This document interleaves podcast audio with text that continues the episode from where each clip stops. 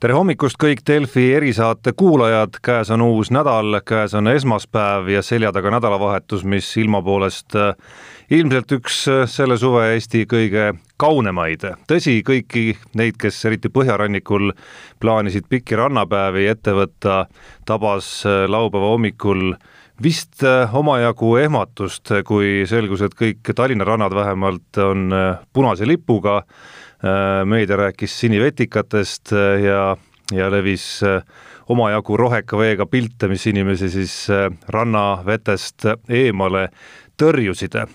mul on hea meel tervitada täna hommikul Delfi erisaate stuudios Kai Künnis-Peeressit, Tallinna Tehnikaülikooli Meresüsteemide Instituudi teadurit,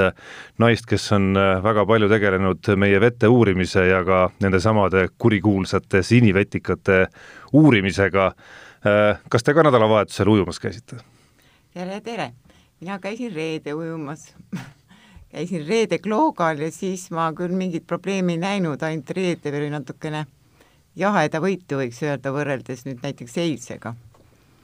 aga jah, see oli päris üllatus, et eh, nüüd nädalavahetusel kõik punalipud. aga kui nüüd väga täpselt kuulata, siis ega see kommentaar oli ka, et et eh, see on lihtsalt teadmiseks, aga kes tahab minna, ega päris ära keelata ei saa. Äh, no te olete äh, ka varem siin paar aastat tagasi äh, omaenda sotsiaalmeedias, kui, kui samamoodi punased lipud leht, lehvisid ja, ja sinivetikad olid põhjuseks ja, ja taustal siis soe vesi ja soe ilm, mis kipuvad kõik käsikäes käima,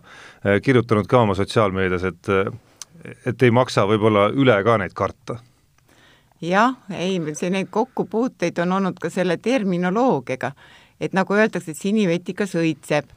ja kunagi oli ka niisugune juhus, et kui ma ei mäleta, kas see Kloogarannas või kuskil jällegi õitses ja mina helistasin, et kes on öelnud, et õitseb, et kust te selle info saite, siis öeldi mulle, et no mida te siin räägite, õied on juba kaldal. Et seetõttu ma tahaks selgitada, et see õitsemine on tulnud ingliskeelsest nimest blooming, mis tähendab tegelikult vohamist ja on nagu üle võetud, nii et ega sinivetikas ei õitse, vaid see tähendab, et ta lihtsalt vohab ja teda on liiga palju. see, et kui nüüd veel rääkida sinivetikast, kelle nimi nüüd tänapäeval on cyanobakter, kuna on leitud, et ta on üsna sarnane bakteriga ja bakteriga on ta sarnane ka seetõttu, et tema paljunemine oleneb vee temperatuurist, mis vetikatel eriti ei sõltu. nii et kui on hästi soe, siis ta paljuneb ka kiiresti. Ja ta on mikroskoopiline, nii et tegelikult palja silmaga ei näe ja kui me näeme mingisuguseid väikseid rohelisi niisuguseid kämpusid või niidikesi, siis nad on lihtsalt kokku jäänud. et äh, väga huvitavad organismid ja siis nende rakud sisaldavad äh, gaasimullikesi, mistõttu nad siis tõusevadki veepinnale, kui soe ilm on, et paremini päikest kätte saada uh ma küsin sellesama jutu jätkuks nüüd, et et ja, ja küsin omaenda lapse sõnadega nädalavahetusel, et, et, et miks nad olemas on? Nemad olid olemas siis, kui maa, elu maa peale tekkis, seetõttu nad on kogu aeg olemas olnud. ja see Äh, nad on kogu aeg olnud, olemas olnud ja üsna sarnased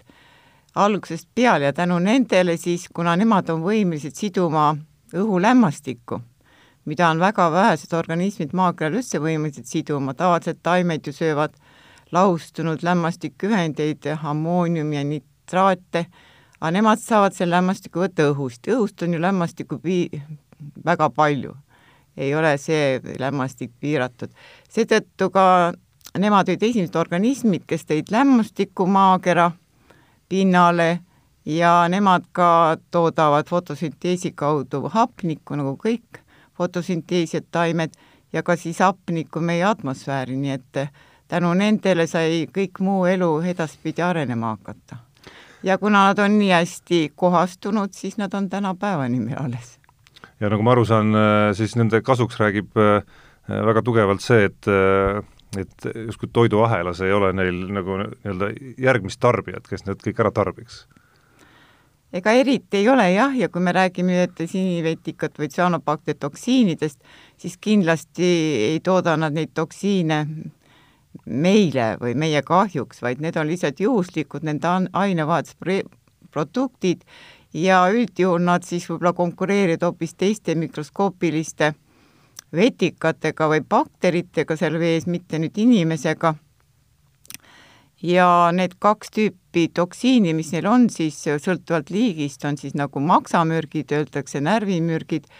ja need peavad sattuma ikkagi seedetrakti.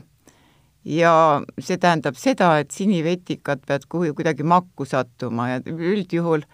inimene ju merevett ei joo.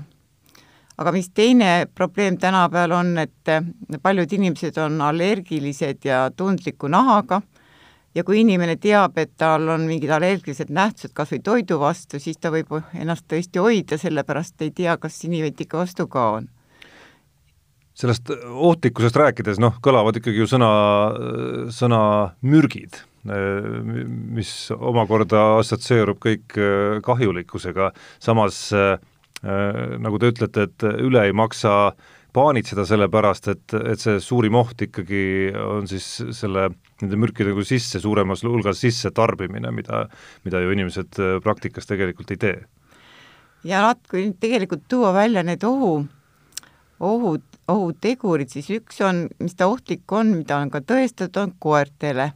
millegipärast on koerad tundlikumad ja koerad ka joovad vahest merevett, sellepärast et meie merevesi ei ole ju soolane. Teine rühm on siis lehmad. kui näiteks on olnud Saaremaal ka lehmadel mingeid kõhuhäireid ja ma ei tea, kas isegi kunagi on üks lehm ära surnud, kuna nemad ka siis lähevad, joovad seda, larbivad seda merevett. ja nüüd veel üks ohurühm on, miks võib-olla kõige rohkem neid on uuritud, neid tsüanobaktereid, on karpide kasutamine toiduks, näiteks austrid ja see toimub tavaliselt Prantsusmaal, Hispaanias ja soojades maades, aga meil ei ole ka see probleemiks, et meil niisuguseid merekarpe ei ole, mida me sööksime. ja noh, seal on ka oht, et kui need karbid on filtreerijad, siis nad tõmbavad endale sisse kõik, mis seal osakesed seal vees on ja siis need mürgid võivad sinna kumuleerida nende lihastesse no lastest räägitakse veel palju kõiksugu materjali, materjalides, kui kui nagu ütleme, potentsiaalsemast äh, riskirühmast, et äh, lapsed vist vähe lihtsamini ahmivad vett sisse äh, seal vees mängides ja, ja see on see põhjus ilmselt? no see on ka põhjus, ma arvan, et suurem põhjus see, et laste nahk on väga õrn. et kui sa paned oma beebi istuma, sa paned ta tavaliselt sinna madalasse vette, justkui see laine sinna, need vetikad kuhjab sinna. ja siis temale võib see tõesti mõjuda halvasti, noh, aga seda on väga lihtne ju vältida. Äh, mis teie soovitus või hinnang, me nägime ka nädalavahetusel äh, suvitajaid väga erinevaid, et äh, et üks mu enda kodukandi rand, mitte päris Tallinnas, aga seal Kaberneme Valkla poole peal tuttavad jagasid pilte mereveest, mis tõesti oli, oli väga roheline ja, ja kus äh, inimesi oli küll palju rannas, aga tõesti väga vähesed käisid vees, aga siis nägime ka pilte Tallinnast, kus kus väga ei lastud ennast morjendada sellest ja, ja, ja veedeti aega täpselt, täpselt nii, nagu muidu seda tehakse, et kui palju seda arvestama peaks siis, seda, seda punast lippu? no nagu ma ka alguses ütlesin, et tänapäeval üldsegi arvestades ükskõik mis haigusi ja, ja, ja ohte, siis inimene tänapäeval peab lähtuma iseendast me kõik oleme erinevad, üks võib teha kõike, üks võib juua nii palju, kui tahab, alkohoolikuks ei saa, teine peab hoidma. ja niisama on kõigi asjadega, toitudega ja ka nende sinivetikatega. see, kes teab, et pole tal kunagi midagi häda olnud, sest ega need sinivetikad on ka varem olnud, ainult et tookord neid ei jälgitud, siis see võib ju julgelt ujumas käia, aga ma, nagu me rääkisimegi, et väikseid lapsi ei tasu panna sinna rohelisse vette ja no ega see rohelise vetika ja rohelise vee aeg läheb varsti läbi, nüüd me näeme juba ilm muutub, tuul muutub, viib ma teil jälle kuskile mujale keset merd. ja noh, see üks, üks see sinivetika nähtus on veel niimoodi, et kui nad nüüd ära surevad, siis nad muutuvad nagu, nagu munapuder siis see on tegelikult see surnud vetikamass ja kui kunagi need põhjalikumalt uuriti, siis oligi küsimus, et kuna need toksiinid siis ohtlikumad on, kas siis, kui ta on elus või siis, kui ta on surnud, ja ega nüüd päris niisugust üks-ühest vastust sellele ei, ei leitudki, jah. Äh, kui veel sellest äh, nii-öelda edasisest nüüd rääkida, et kuidas siis äh, kuidas see ilm, me teame, et prognoos selleks nädalaks on juba drastiliselt teistsugune kui eelmisel nädalal, siis, siis on üsna kindel, et, et see pilt meres hakkab muutuma? jaa, see on üsna kindel, et nagu ma vahepeal ütlesin, et neil on need õhumullikesed seal rakkudes ja nad tõusevad vee pinnale, kunagi mina ülikoolis õppisin, siis meie õppejõud ütles, et Siberi järvedes võib olla nii paks kiht sinivetikat, et suusatada saab. Aga noh, nagu pind kiht, pinnakihti tuul lükkab just ära siia-sinna, seetõttu on meil ka vahest vesi nii soe, et pinnakiht on lükatud ju randa, mis nüüd oligi, aga samas te teate, et läheb paar päeva mööda, see võib olla vesi kaheksa kraadi, et keerab üles hoopis need sügavamad veekihid ja sügavamal vetikat ei ole, seetõttu ka siis on vesi jahedam ja puhas. mingis mõttes me oleme siis siin äh, Soome lahe sügavustes nagu nokk kinni, saba lahti olukorras, et, et kliima on selline, et et on suvesid, kus merevesi tegelikult nagu keskmise inimese jaoks soojaks üle kahekümne kraadi randades ei lähegi, selleks, et läheks, oleks vaja väga sooja ilma, pigem ka tuult, mis toob sooja vee veel randa ka. Aga sellega koos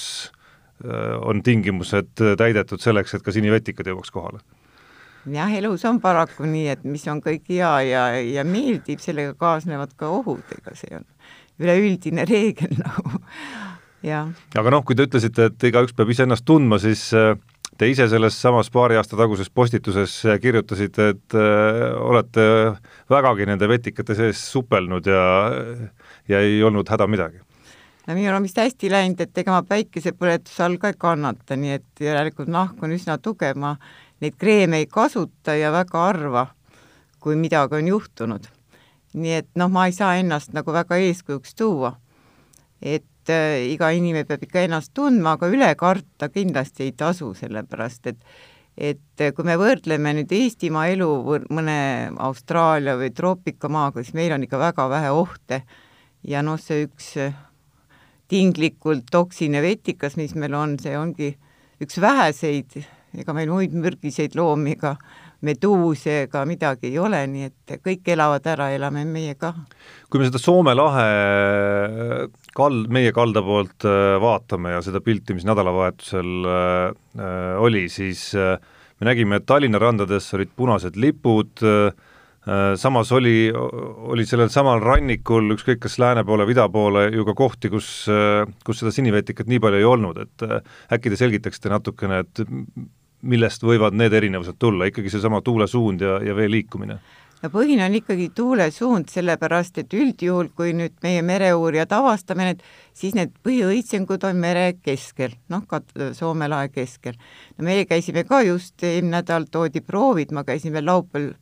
neid töö, töö juures siis filtreerima, et siis oli näha küll, et tead, pinnakihis, just ainult väga pindmises kihis ühe meetri sügavusel olid need vetikad seal vilti peale jäid. aga sügavamal ei olnud enam midagi. ja noh, see oleneb nüüd nendest hoovuste liikumisest, nagu on. üldjuhul Soome lahes käib niimoodi, et tuleb sealt avamere poolt, tuleb piki Eesti rannikut, see hoovus ja siis keerab seal Peterburi juures Soome poole, sealt läheb tagasi ja kui need tuuled muutuvad niimoodi, et ükskord kerkib see põhja sügavamad veekihid üles siin meie lõunarannikul ja teinekord jälle siis Soome pool. ja noh, põhiliselt ongi ikkagi see tuul on põhiline asi ja muidugi ka reostus mingil määral äh,, võib-olla ikkagi noh, toitained rohkem üldsegi ja kuigi see sinivetis küll saab lämmastikku ka õhust, aga eks ta fosfor ja muud toitained ikkagi tulevad rohkem, siis on ikka parem kasvada. Te kirjeldasite seda äh, vee liikumist äh, Soome lahe sellises nagu sügavamas osas Peterburini välja, et kas see on see põhjus, miks ütleme siis meie läänerannikul, seal Pärnu rannad ja, ja saarte rannad, seal äh, sinivetikad nii sage probleem ei ole? No võib-olla, võib-olla tõesti, seal on nagu see avamere vee liikumine seal nagu puudub, see on rohkem kinnine süsteem. aga noh, ma olen uurinud ka, et miks Tallinna laht haiseb ühte projekti siin kaks aastat, kaks tuhat seitseteist, kaheksateist ja siis ma ikka kaks aastat jälgisin ja üks niisugune tähelepanek, mida mul see projekti käigus küll väga, väga kinnitada ei õnnestunud see, et ka see sinivetikas, kui ta laguneb, siis ta haiseb ka väga palju, sest et eh, sinivetikas, cyanobakter, bakterid sisaldavad väga palju lämmastikku oma rakus ja kõik need ühendid, mis lämmastikku palju sisaldavad, need tegelikult haisevad ka kõvasti. nii et mul jäi üks proov kunagi laua peale niimoodi vedelema, kui ma selle pur-, purgi lahti tegin, see oli ikka hull tualettruumi lõhn oli nii et see haisu probleem võib olla ka see, mis tegelikult ka tekkis, nii et eelmine nädal juba, et kui nad hakkavad seal lagunema keset merd, et see kandub siis ka kaldale. Äh, te olete äh, sealhulgas sellesama küsimuse uurimise lahendamise eest, miks Tallinna laht haiseb, äh, saanud ka Tallinna aukodaniku tiitli. patt oleks jätta kasutamata võimalus siin stuudios siis küsida tallinlaste nimel, et, et miks siis Tallinna laht haiseb? No üks asi, mis seal välja tuli ja mis oli mulle ka üllatus, oli see, et et ma ütlen, kui ma ei, tuhat üheksasada kaheksakümne viiendast aastast hakkasin verd uurima, no see oli küll Vene aeg ja siis olid need torud, mis tõid küll tselluloosikombinaadi reostust ja Tallinna lahte, aga kahjuks on osa torusid ikkagi säilinud, kuigi ammu on juba ka Tallinna Vesi pidanud need torud tegelikult veel koos linnaga sealt likvideerima ja no pärast seda minu uuringut ka õnneks siis käis Keskkonnaministeeriumi terve delegatsioon, käis neid toruotsasid seal vaatamas. Ja praegu see Tallinna lahte tuleb vähemalt mm, kaks-kolm tükki sellist. Ja nüüd need ajad, kui ma uurisin, siis oli suur mm, arendustegevus, käis seal Lillepaviljoni piirkonnas.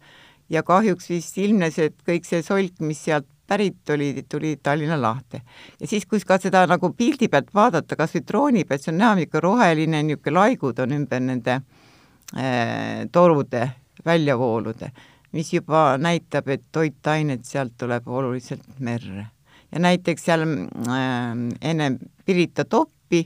tuleb üks, üks toru ka ja seal on palju fosforit, nii et ei tea, kas see on siis, sealse kohalike inimesed väetavad oma aedu või, või kasutavad pesuvahendeid, kus on fosforid sees, näiteks autode pesemiseks või ei tea.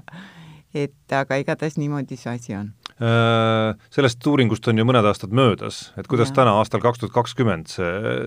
see haisu seis on ja, ja, ja nende samade märksõnade seis?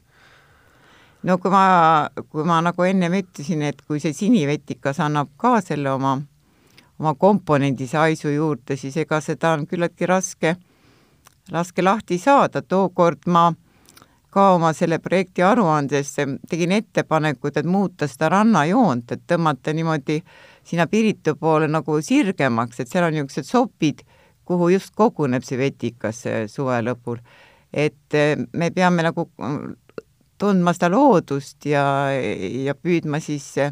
reguleerida ennast niimoodi, et et, et see ära uhutakse sealt, et ta ei saaks kuskile koguneda. aga noh, see on suur investeering ja ega seda nii ruttu teha ei saa. Äh, nüüd äh, lõpetuseks veel meie sõprade sinivetikate juurde naastes äh, lugedes siin Terviseameti koduleheltki enne saadet natukene selle tsüanobakteri kohta, siis, siis seal paaris kohas käis ikkagi läbi ka lause, mida, mida, millele ka teie viitasite korraks, et et iga-aastane tugev õitsemine viitab ka rikutud ökosüsteemile, ehk siis reostus on ka ikkagi selge põhjus, mis aitab kaasa. Kas, kas, kas, kas me võime siit tõmmata jooned kokku, et Soome laht äh, ei ole väga hea tervise juures? no kindla peale ei ole, seesama projekti käigus, äh, kui ma seda sinivetik või seda lahe haisemist uurisin, siis üks hommik, ilus suvehommik, ma nägin, kuidas oli lastud siis laevareostus siinsamas Rusalkal, kus olid nii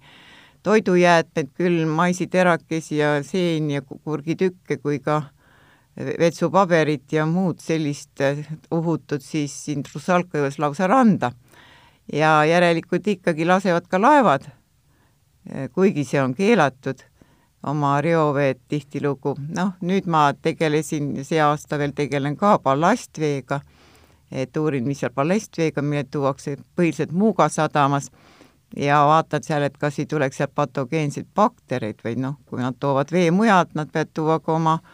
oma haigused meile. et see projekt veel käib, tulemusi veel ei ole,